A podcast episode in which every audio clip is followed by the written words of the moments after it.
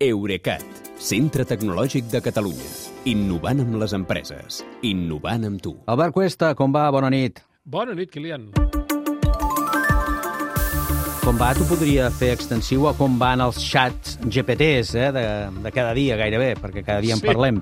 Sí. BART, que és el xat de Google, el xat GPT de Google, es podrà fer servir, això m'ho hauràs d'explicar, es podrà fer servir en català, però no des de Catalunya?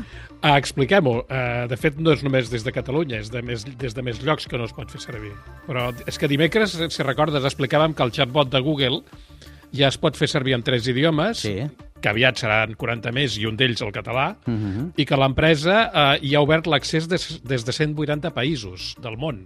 El que aleshores ens va passar per alt i he descobert després és que cap d'aquests 180 països és de la Unió Europea. Cap d'ells, per tant, Catalunya no hi és.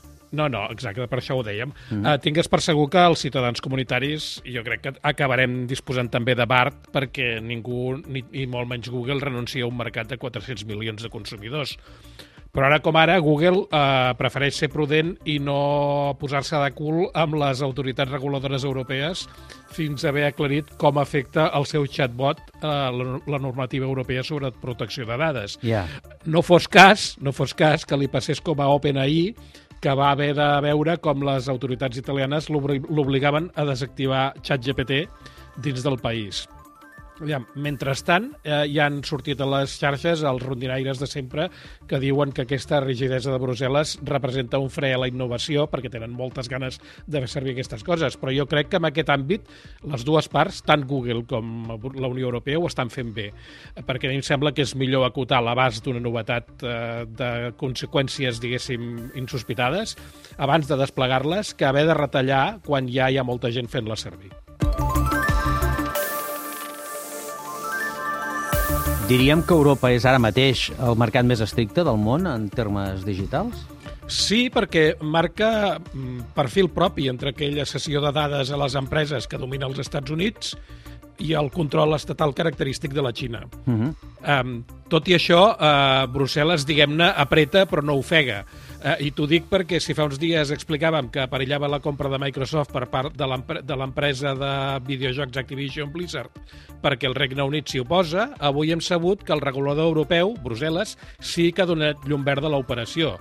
Es veu que Microsoft s'ha compromès a, a, a permetre que les plataformes rivals de la seva Xbox puguin disposar durant 10 anys dels títols d'Activision, com la popular sa- saga Call of Duty.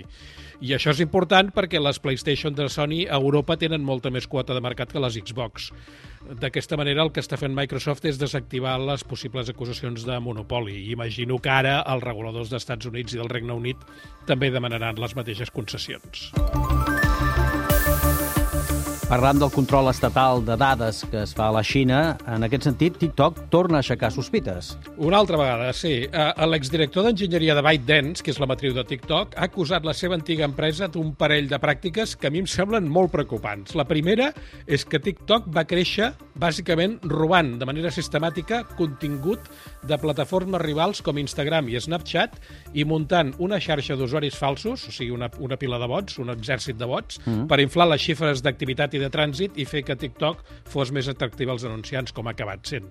Uh, la segona acusació d'aquest home és que les aplicacions de TikTok contenen una porta del darrere mitjançant la qual el Partit Comunista Xinès pot accedir a tota la informació dels usuaris que la plataforma acumula i fins i tot apagar les aplicacions de manera selectiva quan li vingui bé gust. Um, val a dir que aquestes dues revelacions formen part d'una demanda judicial que aquest enginyer ha presentat contra ByteDance per acomiadament improcedent. De fet, el van acomiadar quan va dir això, va denunciar això de que TikTok robava contingut de la competència. Mm. Uh, de manera que, com que això està sota judici, el tribunal haurà de comprovar si aquestes revelacions són certes o no.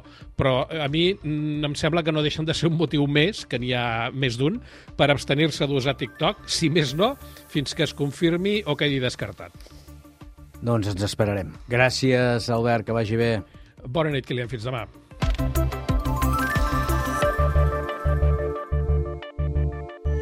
Eurecat, centre tecnològic de Catalunya.